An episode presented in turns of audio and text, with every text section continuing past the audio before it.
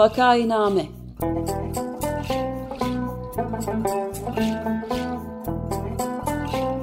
Salgın günlerinde memleket manzaraları. Hazırlayan ve sunanlar Güven Güzeldere, Ömer Madra ve Özlem Tekin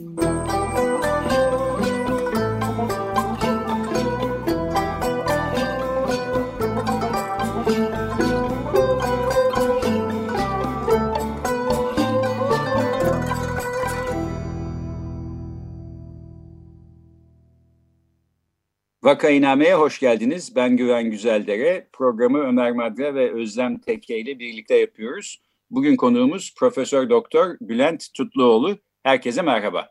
Merhabalar. Ee, Profesör Doktor Bülent Tutluoğlu, Akademik Solunum Derneği Başkanı, aynı zamanda göğüs hastalıkları uzmanı.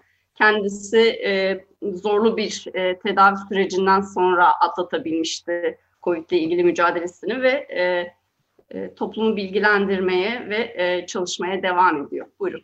Radyomuza da konuk oldu daha önce de kendisini büyük bir ilgiyle biraz da dehşetle karışık izleme, dinleme fırsatımız da olmuştu. Tekrar kabul ettiğiniz için çok teşekkür ederiz. Teşekkür ederim. Evet ben de onu söyleyecektim. Önce Altın Saatler'de sonra e, önce Sağlık'ta kendisini dinlemiştik. Bu programlara da bize kaynak oldukları için tabii teşekkür ederiz. E, ben şuradan gireyim Bülent Bey siz hem e, COVID hastalarını tedavi eden bir hekim e, olarak deneyimlerinizi paylaşabilirsiniz. Hem de ama COVID hastalığını ağır bir şekilde geçirmiş olan bir kişi olarak e, Ömer Madra da COVID hastalığı geçirdi. Hatta bir programı buna ayırmıştık. Onun deneyimlerinden bahsetmiştik. Fakat sizde çok daha ağır bir şekilde de seyretmiş.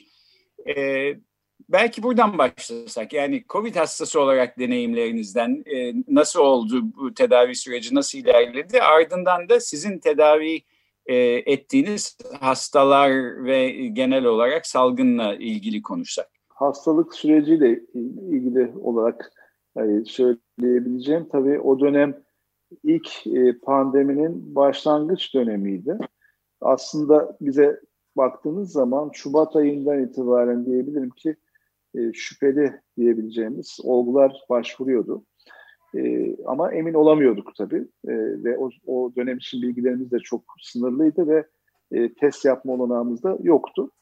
E, ama gerçekten e, ilk olgu açıklandıktan sonra o hafta e, bayağı bir artış oldu olgu, olgu sayılarında ve e, bana diyebilirim ki günde işte polikliniğe o dönem için günde 5-6 tane COVID hastası gelmeye başladı bir hafta ben tabii COVID hastalarına bakmaya başladım. Ve COVID hastaları o dönemde tabii bu maske e, çok gündemde olmadığı için, bilinmediği için e, maske takmadan bana geliyorlardı. Ben de hani açıkçası onlara maske takın demek e, o dönem için çok hani bilinmediği için de öyle bir onlardan da talebim olmadı. Dolayısıyla ben kendimce korunmaya çalışıyordum ama onlar maskesizdi.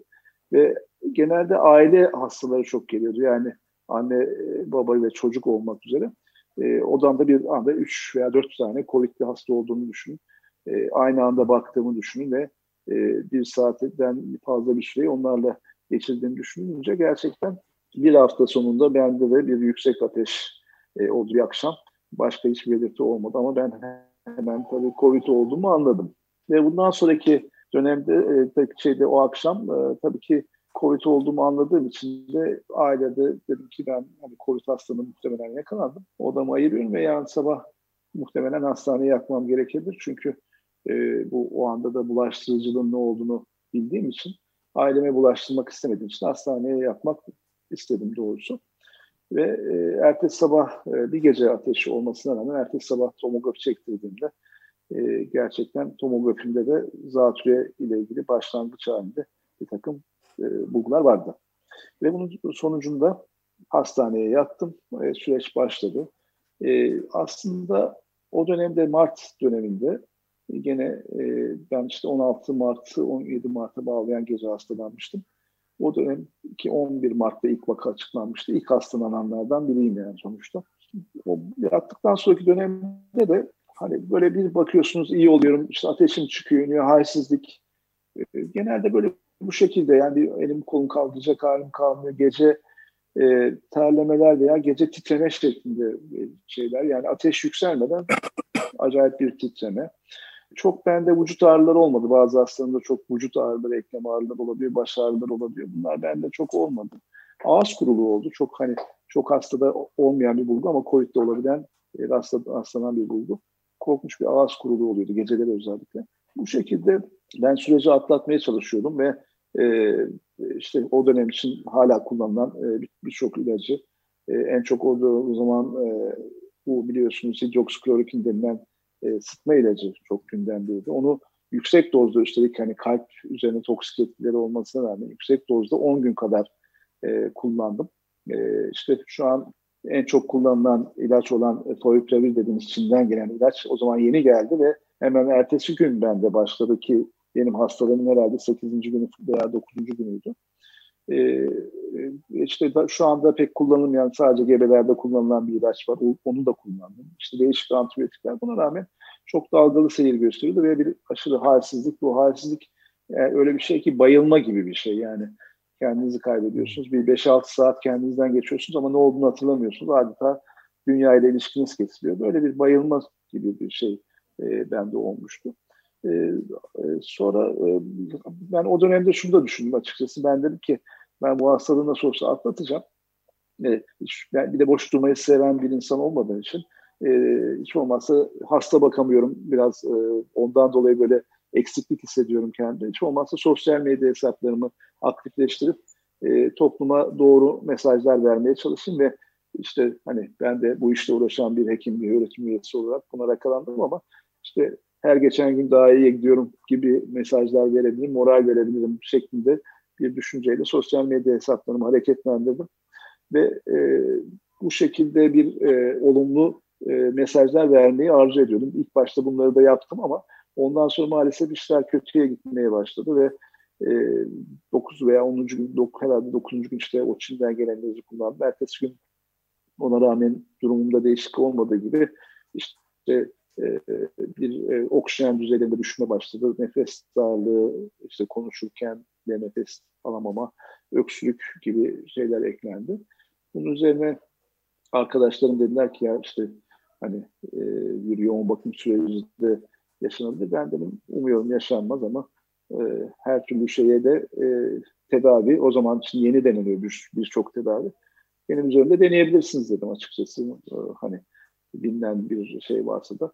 E, dolayısıyla ondan sonraki dönemde bir yoğun bakım süreci yaşadık.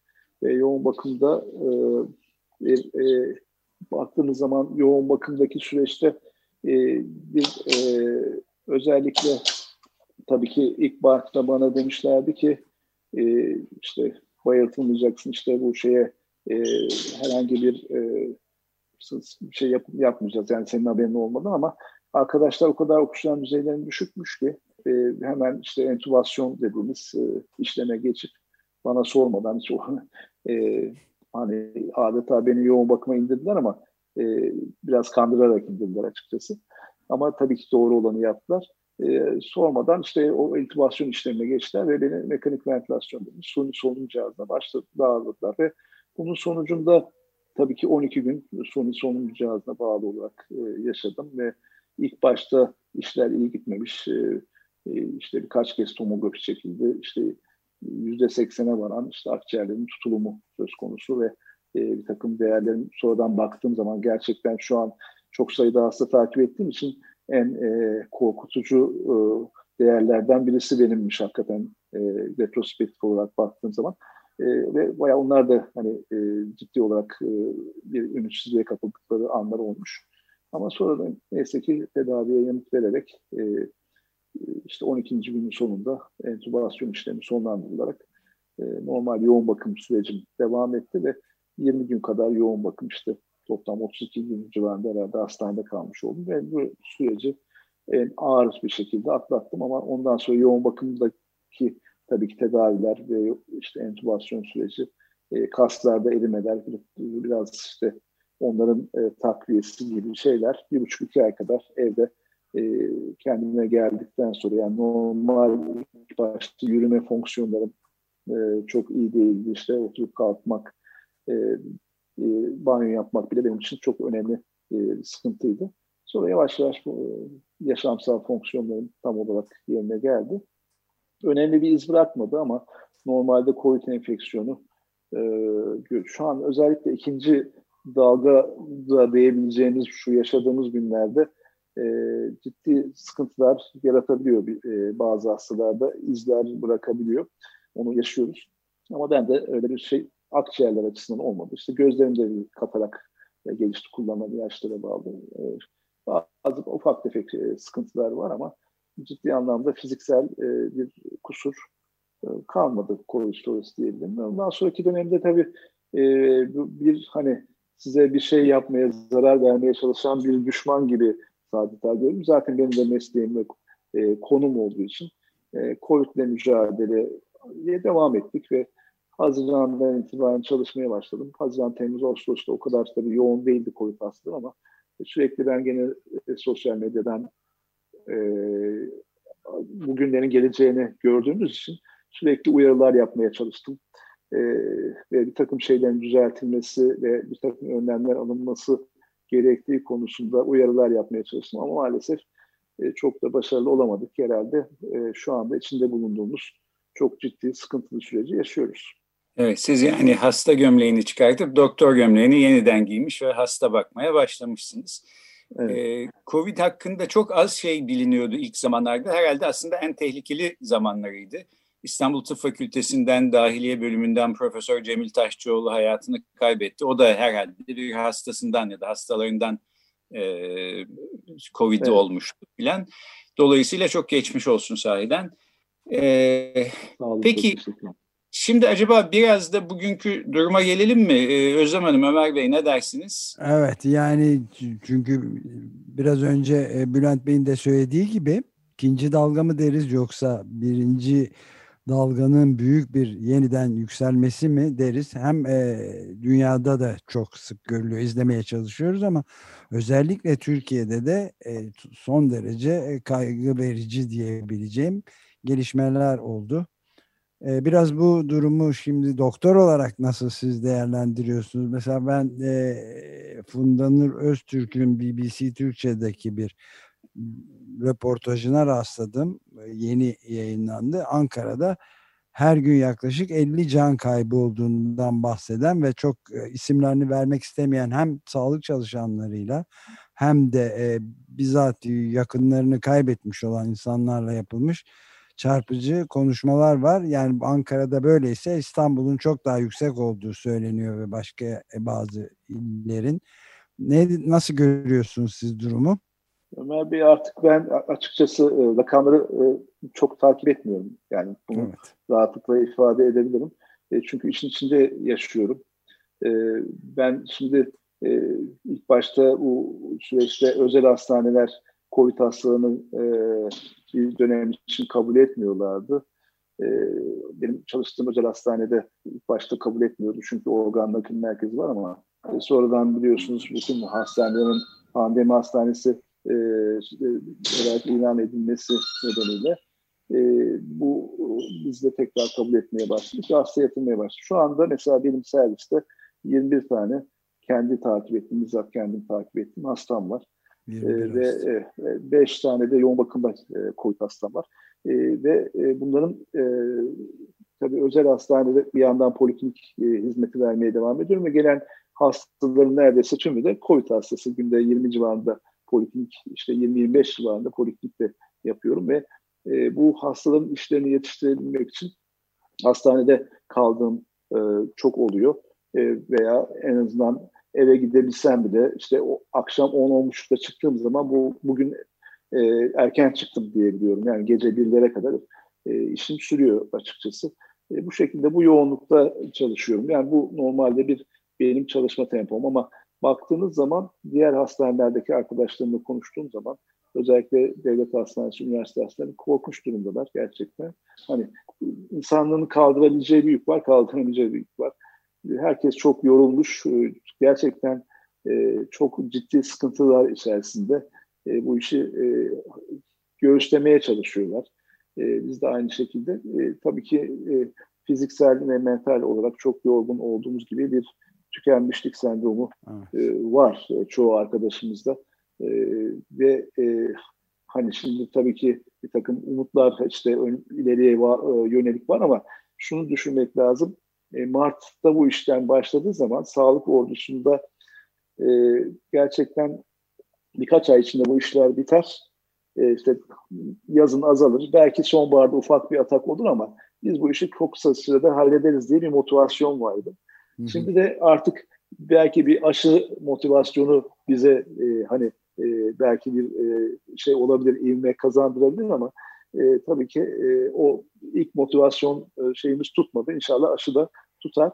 E, gerçekten e, rakamlara niye takılmıyoruz? Çünkü e, bizim hani çoğu o, bu işin içinde olan e, sağlık personeli, hekim arkadaşlarımızın gözlemi olarak bir de genel olarak Türkiye'den bütün her taraftan veriler geliyor ama İstanbul gerçekten e, ciddi sıkıntıda. Uzun süredir e, hani ilan edilen olgu sayılarının e, onunla en azından çarpmak gerektiğini biliyoruz. Yani onu e, şey yapmak lazım. Zaten hani biliyorsunuz bir tartışma hasta sayısı, olgu sayısı gibi e, bir şeyler de var. Evet. Ama e, bizim gördüğümüz e, çoğu hasta da yani normal gerçekten belirti veren hastada e, bir de ayrı bir şey var. Hani orada tabloda ilan edilen zatürre oranları var. Yüzde 3.8'e kadar düştü herhalde o şimdi. Ama bize gelen hastaların diyebilirim ki yüzde yetmişinde zatürre var akciğerlerinde. Bu kadar oranlar arasında fark var. Tabii ki e, orada bütün artık zatürre oranı alınırken bütün olgular da dahil ederek mi oran alınıyor onu da bilemiyoruz. Bir de zatürreyi bulabilmek için aramak lazım. Ancak e, çoğu hastada e, tomografi çektiğiniz zaman e, bu ortaya çıkıyor. E, belki çoğu yerde tomografi çekilmiyor, e, bilemiyorum. Bu şekilde zatürre tanısı atlanıyor olabilir. E, bir diğer sıkıntı benim bizi çok çok rahatsız eden göğüs hastalıkları uzmanları olarak e, biz hep zatürreyle uğraşan kişileriz ve zatürrenin ne kadar ciddi ve solunum yetmezliğine yol açabilen bir e, tablo olduğunu biliyoruz. Ama e, bunun e, bu çoğu zatürre hastası diyelim ki yani COVID zatürresi yüzde 70-80 e, evlerine yolluyoruz. Yani çünkü yatak yeterince olmadığı için biz e, ancak e, ağırlaşması muhtemel veya ağır hastaları e, hastaneye kabul ediyoruz. Daha hafif hastaları zatürre olmasına rağmen evine yolluyoruz. Fakat e, içimiz rahat değil. Bunlardan bir kısmı çok kötüleşerek gelebiliyor. E, filyasyon ekipleri diyor ki kesin olarak evden çıkmayacaksınız. E, işte e, hastaneye kontrole gitmeyeceksiniz. Tahlil yaptırmayacaksınız. Bir sıkıntınız olursa işte 112'yi arayacaksınız. Ambulans gelecek. Ambulans geliyor mu? Çoğunlukla çok zor. E, saatlerce bekletiyor ve e, çünkü yoğunluktan dolayı onlar da yetişemiyorlar. E, ve e, dolayısıyla ya en e, geldiği zaman da en yakın hastaneye götürüyor. En yakın hastane COVID konusunda yetkin bir hastane olmayabiliyor ve kişilerin tabii ki doktorlarını seçme özgürlüğü var. Kendi doktorlarına değil, e, e, bilmedikleri bir doktora gitmek zorunda ve belki de işin uzmanı olmayan bir doktora gitmek zorunda kalıyorlar. Bunu da istemedikleri için evden çıkmıyorlar ve çok hani böyle e, şeyle karşılaşıyoruz. E, daha dün bir hastam geldi. İşte 12 gün o, şeyi doldurmuş 10 günlük bir e, karantina süreci var. E, orada da bir tutarsızlık var. Şöyle ki hastaya diyorlar ki deniyor ki hasta pozitif COVID pozitif 10 gün e, evden dışarı çıkmayacaksın ama yakınlarına deniyor ki 14 gün çıkmayacaksın. Çünkü temaslı ama test yap, yapılmayacak ve 14 gün çıkmayacaksın deniyor. Yani hastaya 10 gün, 11. gün çalışma veriyor. Ama hasta yakınları 14 gün evde evden çıkamıyor. Böyle bir şey de var. Dün mesela gelen bir hasta e, hastam sıkıntıları olmasına rağmen bu süreyi doldurmaya çalışmış. Gelmiş iki taraflı yaygın zatürreye oksijen düzeyleri düşmüştü. Zor bela bir yatak bulup yatırabildim. Halbuki o hasta e, bana 4-5 gün önce gelseydi çok daha kolay bir şekilde tedavisini yapabilirdik. Bu şekilde o süreyi doldurmaya çalışıyorlar. Hani zorlansalar bile kişiler nefes darlığı da olsa işte evden çıkmam yasak, e, ceza yiyeceğim korkusuyla e, hastaneye, doktora git, gitmeyebiliyorlar ve e, böyle çok sıkıntılar yaşadık. Şu anda yani özetlemek gerekirse ciddi e, bir hasta yüküyle karşı karşıyayız ve bu hasta yükünü de kaldırmakta, karşılamakta çok gerçekten güçlük çekiyoruz. Yani aslında şu, anda hani belki bir e, dayanma açısından zor noktalara geldik. Ciddi bir sıkıntı içerisinde belli bir ekip bunu halletmeye çalışıyor. Ama önümüzdeki günlerde kış aylarında arttığı zaman bu işte enfeksiyonların artması, e, zatürrelerin normal zatürrelerin artması ve her ateşlenen, her e, e, soğuk algınlığı olan kişinin e, ben e, işte COVID olduğum düşüncesiyle acillere başvurması, doktorların da e, açıkçası çünkü COVID her şeyi taklit edebiliyor. Bu nedenle o COVID'den şüphelenerek bir takım tetkikler yapmak zorunda kalmaları e, acil servisleri önemli ölçüde bloke edebilir. Zaten şu anda çok zor durumda acil servisler. Bu noktada sıkıntı özellikle Aralık ayından başlayarak artabilir. Tabii ki hani, e, hani vaktiniz varsa tabii ki aşılarla da ilgili konuşabiliriz ama biliyorsunuz aşıların hemen e, gündeme gelmesi, e, etkili olması, toplumda yaygın olarak kullanılması çok mümkün olmadığı için ve aslında da gerçek hayatta neyle karşılaşacağımız aşılar konusunda bilmediğimiz için o konuda da çok temkinli olmak gerekiyor. Biz şu anda önümüzde bir sorun var. Bu sorunu en e, iyi bir şekilde yani en az zararla e, nasıl kapatabiliriz? Sağlık ordusunun e, motivasyonunu nasıl artırabiliriz? Taze güç bu alanda nasıl çekebiliriz? E, yapılandırabiliriz gibi şeylerle uğraşmamız gerekiyor. Yani şu an önümüzdeki problemi halledelim. Bırakalım aşı gelecekse gelsin. Tabii ki gelsin. Çok iyi olur. E, başarılı bir aşı inşallah olur. Ve e, önümüzdeki günlerde bizim sorunumuzu, pandemi sorunumuzu çözer. Hastalık e, tabii bitmeyecektir. Aşıya rağmen devam edecektir ama e, en azından pandemiyi bizim halletmemiz lazım. Pandemiyi hallederken de sırf Türkiye'de halletmek yetmiyor. E, artık e, global dünyada herkes birbiriyle ilişki içerisinde ve seyahatler olduğu zaman siz Türkiye'de tamamen sıfırlasanız bile başka bir ülkede sıfırlanmadığı sürece bu ülkeler arası etkileşim devam ettiği sürece ve diğer ülkelerde halledilmediği sürece bu sorun e, siz o an için halledebilirsiniz ama bir ay sonra tekrar başlar. Yani bu pandemi halledilecekse olacak mutlaka bir sonucu, sonuca erecektir. E, dünyada global olarak bir e, çözüm e, üretilmesi ve e, bu sorunun çöz, çözülmesi gerekiyor ki e, her ülke bu konuda rahat nefes alabilsin. Evet ama ülkeler bazında baktığımızda ben şöyle görüyorum yani salgın yönetimi konusunda gösterilen beceriksizlik aslında sorumluluğu siz sağlık çalışanlarının omuzlarına yıkmış durumda ve sizden bekleniyor her şey. Bu tabii çok büyük bir haksızlık ve nereye kadar dayanacağınız da belli değil. Çünkü e, insanın bir dayanma haddi var sonuç olarak. Ki programın sonuna geliyoruz. Ben bir de e, sizin bahsettiğiniz bir şeye temas ederek şunu sormak istiyordum. E, şimdi çoğumuzun aklından bir noktada işte eyvah ateşim çıkıyor, covid mi oldum ya da koku alamıyorum, e, doktora mı gitsem, acile mi gitsem düşünceleri geçiyordur. Hepimiz böyle bir tedirginlik içindeyiz haliyle.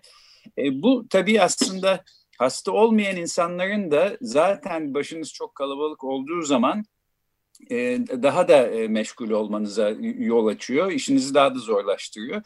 Ee, bizlere ne demek istersiniz? Yani bu, bu neye dikkat edelim ve ne zaman e, aslında bir doktora gitmenin e, doğru olacağına karar vermeliyiz?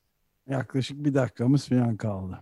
Evet, e, tem, e, şimdi burada tabii temas öyküsü çok önemli. Eğer temas varsa bir takım belirtiler ortaya çıkıyorsa bu da gerçekten bu çünkü çok her şeyi taklit eden e, özellikleri olduğu için dikkatli olmak lazım.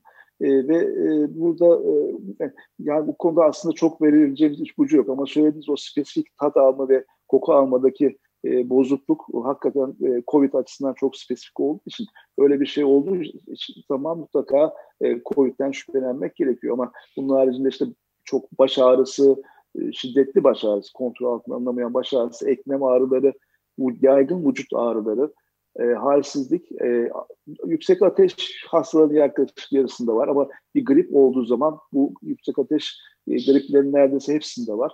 E, ve çok daha yüksek oluyor COVID'e göre gripteki, influenza'daki ateş. Takım tabii ki bunları ne sağlık çalışanlarının aslında tam olarak ayırt etmesi mümkün değil. Ne, e, hastalar da bundan çok ayrımda olamaz. Ama e, özellikle inatçı e, şeylerde hani bir iki gün süren ateş e, bizim için belirleyici olabilir halsizlik, aşırı halsizlik, bir baygınlık şeklinde bir halsizlik. E, işte yaygın vücut ağrıları, eklem ağrıları, baş ağrısı, ishal mesela kolikte çok olan bir şey. Bunlara çok e, dikkat etmek gerekiyor. Evet, peki galiba bitiriyoruz. Ee, bugün konuğumuz e, Profesör Doktor Bülent Tutluoğlu'ydu, göğüs hastalıkları uzmanı. Çok teşekkür ederiz katıldığınız için Bülent Bey. Ben teşekkür ederim. Sağ olun. Bülent Bey çok teşekkürler. Galiba vakainamede e, Covid salgını üzerine konuşmaya devam edeceğiz gibi gözüküyor. E, bir süre daha en azından. Haftaya görüşmek üzere, hoşçakalın. Hoşçakalın. Hoşçakalın. Teşekkürler.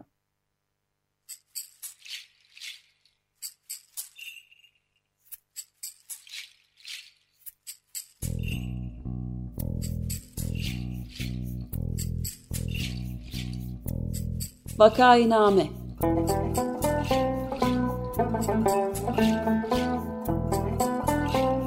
Salgın günlerinde memleket manzaraları. Hazırlayan ve sunanlar Güven Güzeldere, Ömer Madra ve Özlem Tekin.